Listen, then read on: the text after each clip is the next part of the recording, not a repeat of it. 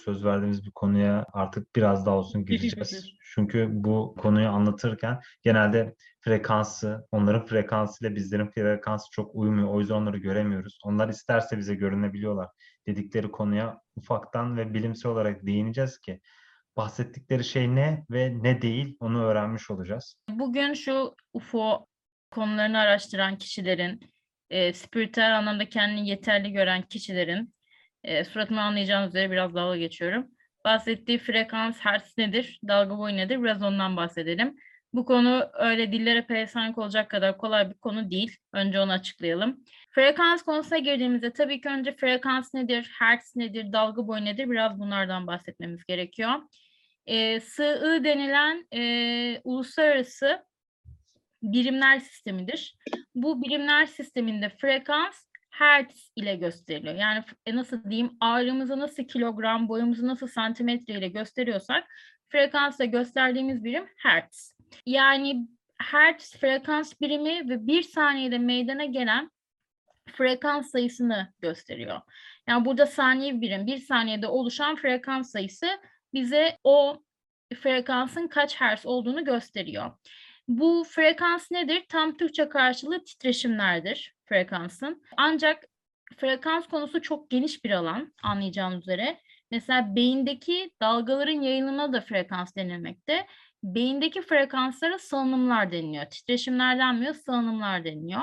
Frekansların fizikteki adı genellikle dalga. Bu şekilde e, yani dalga, titreşim, salınım bunların hepsi frekansı temsil eden kavramlar. Ve hepsi hertz ile gösterilmekte. Mesela 5 hertz demek, yani sunumda belirttiğim gibi saniyede 5 tane frekansın olması demek. Ben gene konuyu bilmeyenler için net anlaşılsın diye alttaki şekli koydum. Mesela alttaki şekle baktığımızda frequency dediği frekans 3 hertz olarak gösteriyor. Mesela oradaki alan bir saniyede 3 tane dalga olduğunu gösteriyor. Yani dalgaların her biri frekans, dalga sıklığını gösteriyor. Tabii ki bu dalgaların negatif pozitif salınımları var. Onlar bizim alanımız değil. Yine saniyede 3 tane frekans geçiyorsa e, bir frekansın geçme süresine periyot deniliyor. Bu da bizim konumuz değil. Biz ana hertz nedir, frekans nedir bundan bahsedeceğiz. Çünkü genellikle bu dil yani genellikle bir konu anlatırken çok periyoduna veya pozitif negatif salınımlarına dikkat edilmiyor dalga boylarının. Genellikle hertz kavramı kullanılıyor. Şimdi e, yandaki tablo daha önemli. O tabloda Mesela 1 Hz demek saniyede bir tane frekans oluyor demek. 1 kilohertz ise saniyede 1000 tane frekans oluyor demek. 1 megahertz ise saniyede 1 milyon tane frekans oluyor demek. 1 gigahertz ise saniyede 1 milyon frekans oluyor demek. Benim kutu içine aldığım alan şu anda bizi ilgilendiren hertz aralıkları. Yani genellikle bu 5G olsun, işte uzaydaki titreşimler olsun, terahertz, petahertz veya egzahertz'ten bahsedilmez. Genellikle bizi ilgilendiren hertz boyutları 1 hertz ile 1 gigahertz arasında. Neticede frekans dediğimiz o önceki slaytta gördüğümüz dalgalar. Ve dalga sıklığı ne kadar fazla olsa frekans o kadar fazla oluyor. Sonuçta fizikte neden frekansa dalga deniyor? Çünkü e, dalga çeşitleri fiziğin ana konularından bir tanesi. Dalgalar da mekanik dalgalar ve elektromanyetik dalgalar diye ikiye ayrılıyorlar. Aslında bizi ilgilendiren kısım elektromanyetik dalgalar ama birkaç bir şey söylemek için mekanik dalgalardan da bahsetmek istiyorum. Mekanik dalgalar teknik bilgi olarak verirsek yayılması için bir ortama ihtiyaç duyan dalgalar. Örnek olarak tel dalgası, ses dalgası ve su dalgası örnek veriliyor. Elektromanyetik dalgalar da aslında bizim e, vurgulayacağımız, bizi ilgilendiren alanla ilgili dalgalar. Bunlara elektromanyetik radyasyon da deniliyor. Yayılması için bir ortama ihtiyaçları yok. Boşlukta da yayılabiliyorlar. Işık, gama ışınları, X-ray ışınları, ultraviyole, radyo dalgaları, mikrodalgalar bunların hepsi elektromanyetik dalgalardır. Anlatabildim mi? Peki ben neden mekanik dalgaları tanıttım? Şu yüzden genellikle tekrar laf sokma moduna giriyorum. Bu spiritüel anlamda ahkam kesen ve ufoloji anlamda ahkam kesen tipi tipler genellikle frekansta su dalgalarını falan, ses dalgalarını örnek veriyorlar. Bunlar yanlış değil. Ancak söz konusu uzaylılar ve uzay teknolojisi ise bakması gereken dalgalar e, ya da frekanslar su frekansı veya ses frekansı değil. Bakmaları gereken frekanslar elektromanyetik frekanslar. Birazdan detayına gireceğiz. elektromanyetik dalgalar ya da elektromanyetik frekans boyutları bu konunun asıl kısmı. Elektromanyetik spektrum diye bir şekil koydum. Bu şekle baktığımızda ne görüyoruz? Gama ışınlarının, X-ray ışınlarının, ultraviyole ışınlarının, görünür ışığın, infrared denilen kızılötesi ışınların, mikrodalganın, radyo frekanslarının elektromanyetik spektrumda olduğunu görüyoruz. Yani bunların her biri bir çeşit elektromanyetik frekanstır, elektromanyetik dalgadır. Ve bu tabloya dikkatli baktığınızda elektromanyetik dalgaların boyları önemli. Mesela radyo dalgalarının boyları 1 metre ile 100 kilometreye kadar çıkabiliyorken dalga boyları, infrared dediğimiz kızılötesi e, ışınların dalga boyları 10 mikrometreye kadar düşebiliyor. Yani milimetrenin binde biridir mikron. 10 mikrometreye kadar düşüyor. Gama ışınlarının daha da küçülüyor. Demeye çalıştığımız nokta şu. Uzun dalga boyları, birazdan detayına gireceğiz, bizim için zararlı değil. Yani boyu 1 metreyi 100 metreyi bulan dalga boyları, o aşağı yukarı giden dalgalar ya da boyu 1 metreyi 100 metreyi bulan frekanslar bizim için zararlı değil ve bunlar bizim içimizden geçen frekanslar. Ancak o frekansın boyu yani dalga boyu kısaldıkça bizim için zararlı olmaya başlıyor. Mesela X-ray nedir? Radyasyon, tipik olarak bildiğimiz radyasyon. Boyun, e, dalga boyu ne? 1 nanometre. Milimetrenin milyonda biri. Anlatabildim mi boyutu? İşte dalga boyları kısaldıkça bize zarar vermeye başlıyor. Enteresan bir şekilde dalga boyu kısa olup bize zarar vermeyen tek elektromanyetik spektrumdaki durum görünen ışık. Burada visible dediği görünen ışık. Görünen ışık nedir? Hepiniz bilirsiniz. Işığı prizmadan geçirdiğimizde ne oluyor? Gökkuşağı renkleri oluşuyor değil mi? Yani ışık kendini oluşturan birimlere ayrılıyor. Bu görünen ışıkların her biri aslında birer kısa dalga boyu. Birer kısa elektromanyetik dalga boyu hatta. Ancak bunlar bizim için zararlı değil. Tam tersine yaşam için bunlar gerekli. Çünkü ışık fotosentez için gerekli görünür ışık. Vaktim olursa ışıkla ilgili ayrıca bir e, video hazırlamayı düşünüyorum. Çünkü bu spiritualistler şeyler hep ışıktan bahsediyorlar ya enerji enerji diyerek. Biraz onları da kültürlendirelim. Aslında ben bu video konu hiç bilmeyenler için değil, konu konusunda ahkam kesenler için yapıyorum. Anlayana diyelim. Şimdi elektromanyetizmanın tanımını yaparsak bu konu önemli. Anlayacağınız üzere iki tane ana bileşenim var. Bu arada bu konuda ben de cahilim. Onu da söylemek zorundayım. Yani bu konu benim alanım değil. Ama e, birçok kaynak okuyarak şu anda dilimin döndüğünce ne anladığımı aktarmaya çalışıyorum. E, e, bir hatam olursa şimdiden affola diyeyim. Elektromanyetizmanın tanımına geldiğimizde adından anlaşılacağı, anlaşılacağı üzere iki tane bileşeni var. Elektrik ve manyetik alan.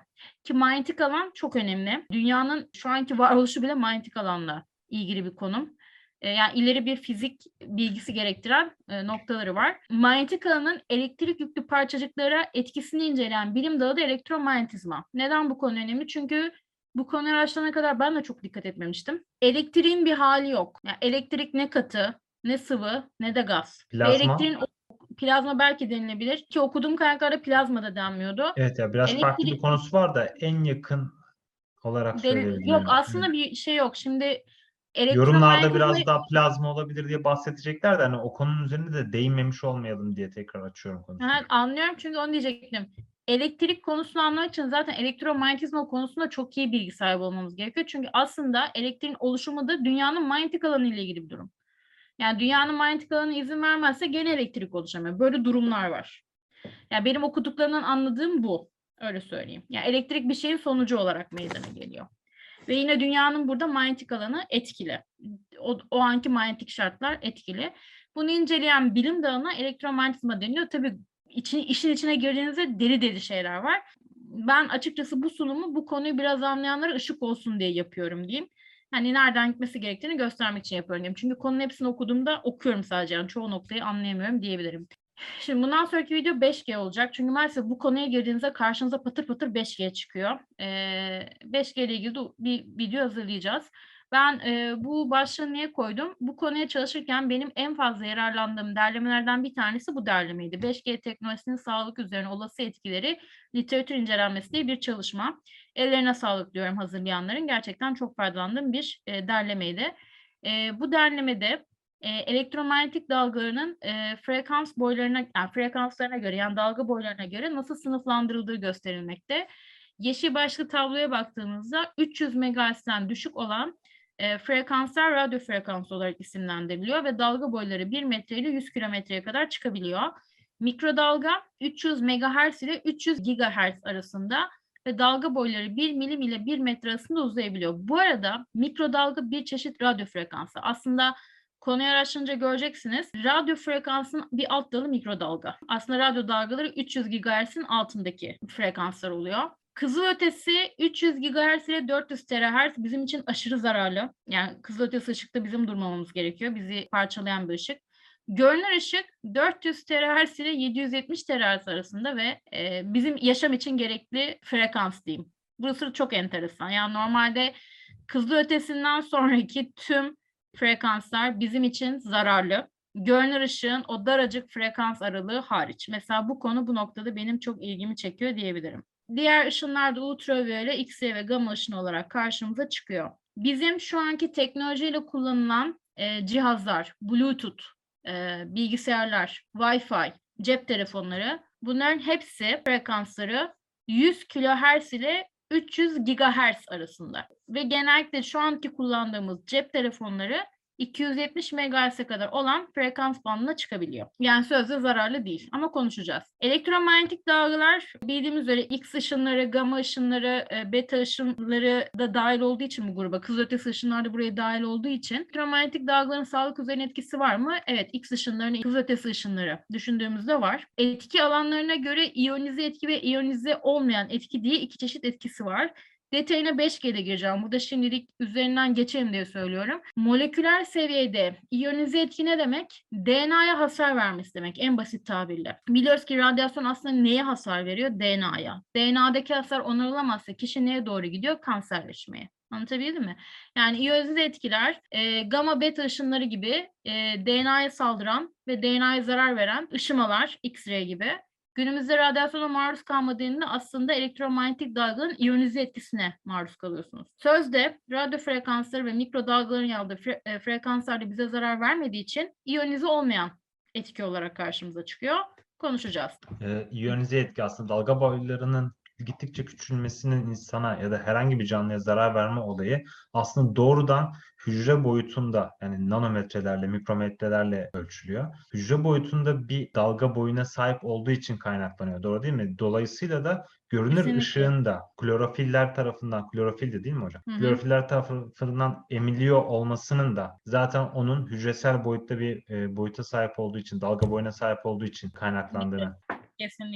Güzel bağlantı. Gerçekten tebrik ediyorum. Ya ben konuyu bu Artık kadar iyi hocam? Kesinlikle. Konuyu bu kadar iyi anlatamazdım. Bir de zaten şöyle bir şey var. Kanser zaten tek hücreyle başlıyor. Yani bir hücre kanserleşiyor ve büyük büyük diğer hücreleri istila ediyor. Yani o yüzden tek hücrede meydana gelen değişimler, mutasyonlar önemli ve dediğim gibi burada kısa dalga boyları bu olayın en büyük suçlusu.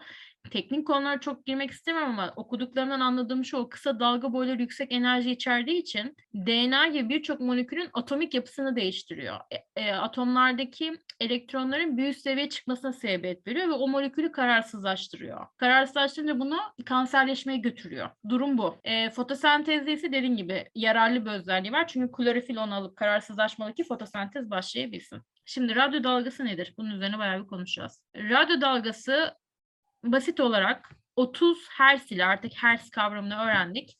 30 Hz ve 300 GHz arası olan sinyallere biz radyo dalgaları diyoruz. Yine altını çizdiğim gibi 300 GHz e, aralığında ne vardı? Mikrodalga vardı. 300 GHz'den sonrası da kızılötesi olarak geçiyor zaten. Mikrodalga gene altını çiziyorum bir radyo frekansıdır. Peki radyo dalgasının tanımı nedir? Tanımını bilerek okuyacağım çünkü bunun üzerine konuşacağız. Kızılötesi frekanslardan daha düşük frekanslardaki elektromanyetik dalgalar üzerine bilgilerin modele edilmesi sonucu oluşturulan ve bilgi taşıyan elektromanyetik radyasyon olarak tanımlanır. Özetle diyor ki radyo dalgası üzerine bilgi yazılan ve bu bilgiyi A noktasından B noktasına ulaştırma, ulaştırmayı sağlayan dalgalar deniliyor. Tabi burada sınıflandırmalar. Bunlar çok teknik konular. Çok girmek istemiyorum. Mesela 30 ve 300 MHz arası olana very high frequency deniliyor. İşte bu FM'ler, televizyon yayıncılıkları, ters haberleşmeleri buraya giriyor. 300 MHz ile 3 GHz arasında olanlarda ise bu GPRS'ler, Wi-Fi'ler ve Bluetooth dediğimiz e, şeyler giriyor.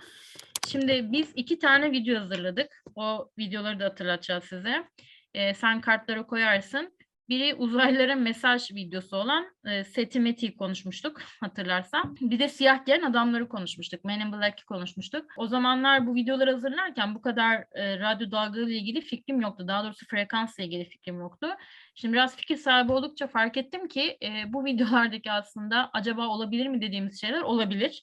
Ben bu videolarda ne anlattığımızı kısaca hatırlayarak şu radyo dalgalarını daha da pekiştirmek istiyorum. Radyo dalgaları ile ilgili e, bir sunum hazırlam, radyo dalgalarını içeren bir sunum hazırlamıştık. Ve o zaman tabii ki frekanslar konusunda bu kadar bilgimiz yoktu. Ve demiştik ki uzaylılarla aslında e, zamanında mesajlaşmak için bir protokol hazırlanmış dedik. Ve bununla ilgili bu makaleyi gösterip bu makale üzerinden bir e, video hazırlamıştık. İzleyenler videonun içeriğini hatırlayacaktır. İzlemeyenler için de kartlara koyacağız tıklayıp izlerseniz kültürlenirsiniz. Ee, özet olarak biz burada ne anlattık? Dedik ki işte SETI denilen yerde radyo dalgalarına e, bilgiler yazılarak 1970'li yıllarda Arecibo mesajı yollandı dedik. Ve bu Arecibo mesajı şu yanda gördüğünüz şekil. İşte en başında rakamlar, ikinci sırada DNA içeren e, elementler, üçüncü sırada e, basit organik moleküller tanıtılıyor, dördüncü sırada dünyanın yaşı tanıtılıyor. Beşinci sırada insan anlatılıyor. Altıncı sırada güneş sistemi.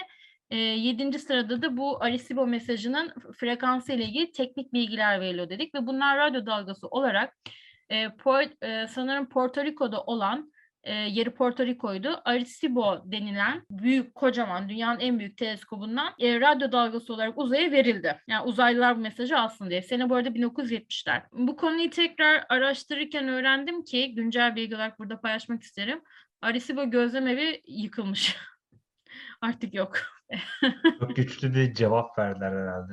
Şöyle ki 1970'lerde zaten e, şey denilmiş hani böyle bir mesaj yollayacaksak çok büyük bir teleskop olmalı denilerek projeye başlatılmış ve dünyanın en büyük teleskobu yapılmış. Yani Arecibo şu anda dünyanın en büyük teleskobuymuş. Dönüşü falan zaten zor ve sıkıntılıymış uzayda araştırma yaparken. Tabii uzay çalışmalarına inanılmaz katkı sağlamış bir teleskop ama bakımı ve e, dönüşü çok sıkıntılı olan bir teleskopmuş. Aslında geçen sene kapatılması düşünülüyormuş. Kapatılmasına bir ay kala gözlem evi kendiliğinden çökmüş. Anlatabildim mi? Hani e, zaten sökeceklermiş. Sökmeye gerek kalmadan halatların birinin kopmasıyla çökmüş. Bununla ilgili detaylı yazıları ve bilgileri Emekliliğine az kalan amcanın ölmesi gibi. Şaka bir yana yani Umut Yıldız'ın tabii bunlar off the record hani Umut Yıldız'ın yazısında şeyi de okuyoruz. Yani bunlar Porto Rico herhalde yanlış söylemiyorum. Oraya oraya kurmuşlar bu uzay tesisini. Yani Arecibo teleskobunu. Girmek için Amerikan vatandaşı olmak gerekiyor. Yani Meksika'da ama hani şey yapmışlar. E, giremezsin falan diyorlar. Amerikan vatandaşı yani Amerikan vizesi alman ge- gerekiyor gene oraya gezmen için. Artık gerek kalmadı. Çöktü gitti zaten. Öyle bir durum da var. Neyse buradan olarak devam ediyorum. Bu Arecibo Gözlem Evi ile ilgili çok e, güzel bir derleme hazırlamış Doktor Umut Yıldız. Kendisi bizi pek dinlemez ama e, ben yine bizi dinleyenleri bir ışık olsun diye paylaşayım. E, kendisi NASA'da çalışan bir doktor. Yazıları oluyor. E, astro e, fi, fizikçi. E, Arecibo Gözlem Evi ile ilgili de çok detaylı ve güzel bilgiler vermiş. Ee, şimdi bu radyo dalgaları özetle neyi gördük? Bu radyo dalgalarına bilgi yazılabiliyor ve uzaylılara mesaj olarak 1970 yıllarda Arecibo mesajı yollanıyor. Sonra o makale okurken gördük ki ilk, ilk atılan mesaj Arecibo mesajı değil. İkinci mesaj 1999 ve 2003 yılında Ukrayna'dan atılıyor ve e, atılan radyo dalgasının ismi yani daha sonra radyo mesaj, mesajının ismi diyeyim Cosmic Call. Ve hatta bu şekil üzerine de biraz dalga geçmiştik. Hani bu şekli hiçbir şekilde anlayamayız diye. Yani bulabildiğimiz şekil bu. Radyo dalgasının, e, radyo dalgasında olan bilgiler burada. Öyle söyleyeyim. Anlayamıyoruz. E, bilen biri paylaşabilir. Üçüncü mesaj Teenage Message diye yollanmış. 2001 yılında Alexander Zaitsev adında bir bilim adamı bunun içeriğini yazmış. Gene Ukrayna'dan atılıyor. Son mesajda A Message from Earth diye kısaltılmış adıyla ANFE 2008 yılında gene Ukrayna'dan atılmış. Hatta bunun rotalarını falan da o videoda konuşmuştuk. İşte bir 40 yıl sonra işte Draco takım yıldızına gidecek olan falan Evet vardı. hesaplamıştık. E, evet evet. On, e, şimdi şöyle bir durum var. Biz şey demiştik o zaman bu videoyu konuşurken.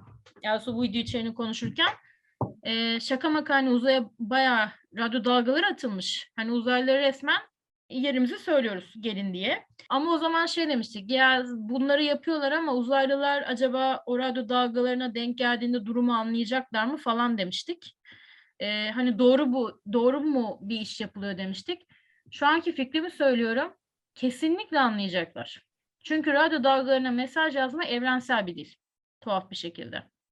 Yani o radyo dalgaları gelişmiş bir uzaylı ırkına denk gelirse o gelişmiş uzaylı ırkı o radyo dalgasındaki bilgileri algılayacak, algılayamasa bile kaydedecek. Özetle zamanda bayağı iyi mallık yapmışız. Şu anda tüm uzaylı ırkları bence dünyanın yerini biliyor yani. Net bir şekilde konumumuzu uzaya yollamışız. Denk gelen de bizi çok iyi görecek. İnşallah iyi türlere denk geliriz de iyileri bulur bizi diyeyim yani. Ya mantıken Durum bu. baktığımızda son 50 yılda 100 yılda kamuoyuna açıklanmadığını düşünüyorum. E, gizli tutulmuş da olabilir tabii. Açıklanmadığını düşündüğüm için böyle bir yorum yapabiliyorum. Herhangi bir şekilde herhangi bir ırktan bize rastgele milyonlarca yıl öncesine yollanmış bir radyo dalgası da görmedik biz. Almadık. Demek ki onlar daha Bildiğimiz akıllıca kadarıyla. davranıp göndermemişler. İlk biz Ya yayıyoruz. şöyle bir şey var. Gönderler, gönderseler de bize söyleyeceklerini düşünmüyorum. Çünkü bu sunumu hazırlarken de şaşırmıştık. Dikkat edersen 2003, 2001, 2008 yılında uzaya mesaj yollanıyor. Sen hayırdır yani anlatabildim mi? Yani hiç hiçbirimizin haberi yok. Bu ki bunlar bizim bildiklerimiz. Artı 2003'teki yani bu e, kozmik kolun içeriğiyle ilgili bulabildiğimiz tek radyo mesajı çizimi bu aşağıdaki. Bu 2001'de ve 2008'de yollanan radyo dalga ile ilgili hiçbir bilgi yok. Bir tek yollandığını biliyoruz. Yani durum bir bu. durum. Dahası yollandı mı bilmiyoruz. Onlardan geri çağrı geldi mi bilmiyoruz. Bence gelmiştir. Net yani. O kadar artık bu konuyu araştırdıkça buna emin olmaya başladım ki.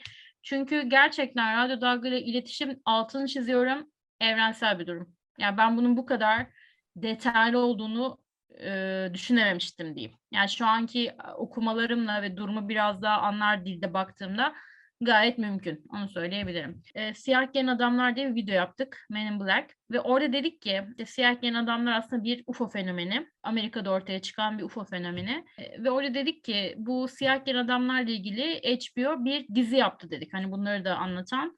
E, dizinin adı Project Blue Book. Bu arada Project Blue Book bizim e, fokuslanmamız gereken e, alanlardan biri ama vakit ayırıp ikimiz de ilgilenemiyoruz. E, Mavi Kitap projesi aslında 1947'de 1947 ve sonrasında yani öyle söyleyeyim 1947 ve sonrasında 1960 yıllara kadar olan UFO fenomenlerini araştırmak üzere Amerikan Hava Kuvvetleri tarafından başlatılan bir proje. E, 1969'da yeterli bilgi tırnak içinde edilemediği için kapatılan bir proje.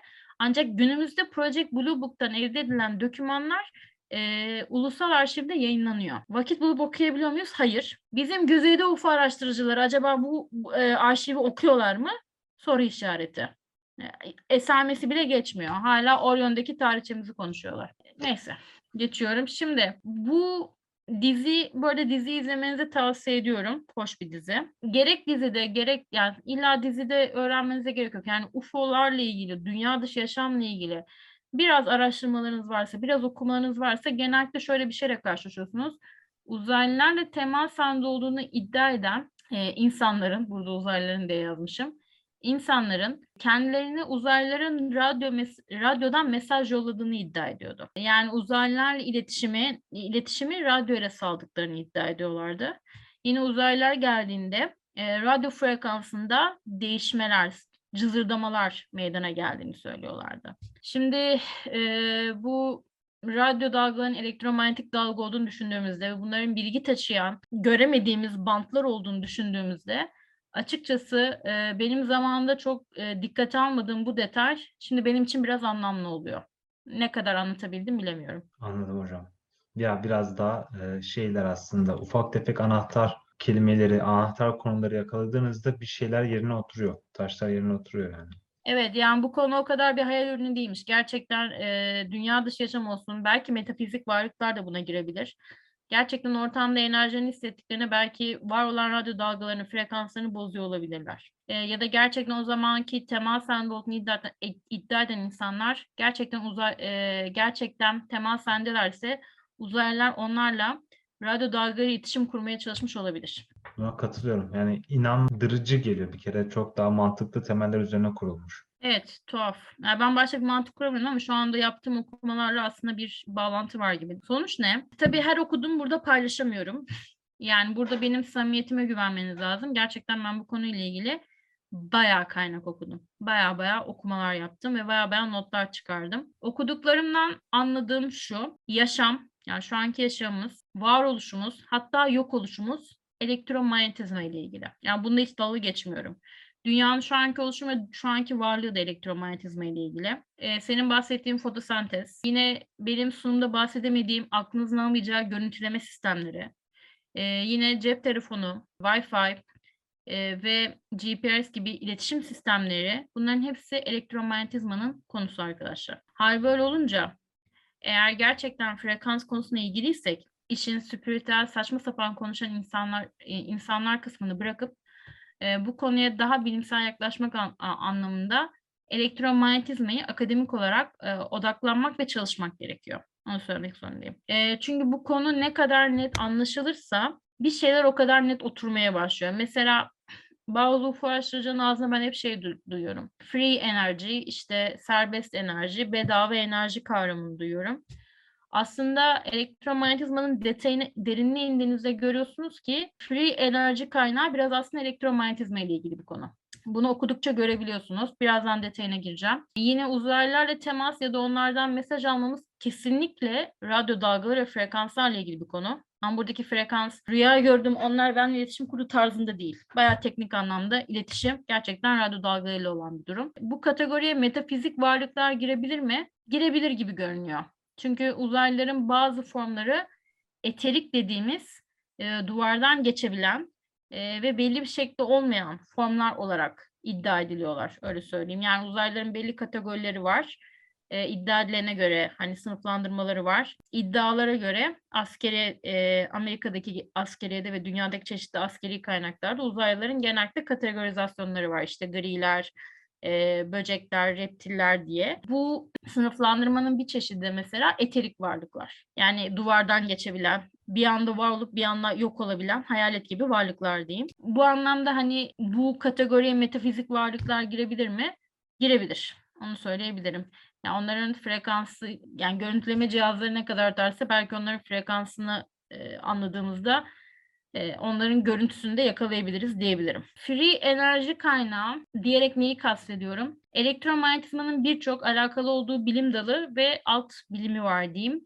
Bunlardan bir tanesi de yani bağlantılı olduğu e, alanlardan bir tanesi de kuantum levitasyonu. E, bu konuyu detaylı araştırana kadar hani bu konuda bana cahil diyebilirsiniz. Ben e, maglev denilen e, trenlerden bir haberdim. Bu maglev denilen trenler kuantum levitasyonu ile ilgili e, adından anlaşı- anlaşılacağı üzere kuantum fiziği ile ilgili ama bu e, yaşam koçlarının bahsettiği kuantum değil bu. Bayağı ağır konu kuantum fiziği. Burada tabii ki işin içine süper iletkenler de giriyor. Süper iletkenler denilen maddeler anladığım kadarıyla dünyanın manyetik alanını reddeden maddeler ve bu süper iletkenler kullanılarak elektriksiz dünyanın manyetik alanından yararlanarak hızlı trenler yapılıyor. Ee, ve bu trenlere maglev trenler deniliyor. Levitasyon uçma demek, bir şeyin uçulması demek. Burada aslında fotoğrafta gördüğünüz tren raya oturmuyor. Rayın üzerinde uçuyor. Temsili bir çizimi evrim e, evrim ağacındaki şu fotoğraf. Yani şöyle söyleyeyim, kuantum levitasyon diye Google'a girdiğinizde bir yuvarlak göreceksiniz. Ve o yuvarlığa bir cisim atıldığında cismin havada kaldığını göreceksiniz. İşte sihir bu. Anlatabildim mi? Ee, yani demeye çalıştığım nokta şu. Bugün süper etkenler kullanılarak e, dünyadaki e, bazı cisimler uçarak hareket ettirilebiliyor bir eksen etrafında. Buna da kuantum levitasyon deniliyor. E, ve bununla ilgili ileride birçok malzeme yapılacak. Öyle söyleyeyim. Yani hayatımıza girecek bu malzemeler.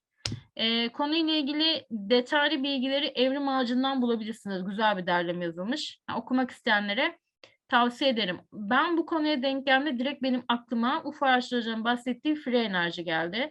Yine bildiğiniz üzere UFO araçları böyle yüzer gibi ne yapıyor? Yerin üstünde duruyor. Bence onların da mekaniğinde bir süper iletken ve şey var. Dünyanın manyetik alanını ittirme tarzı bir teknoloji var. Öyle söyleyeyim.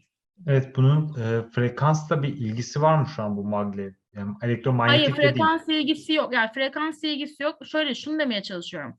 Elektromanyetizma o çok geniş bir alan.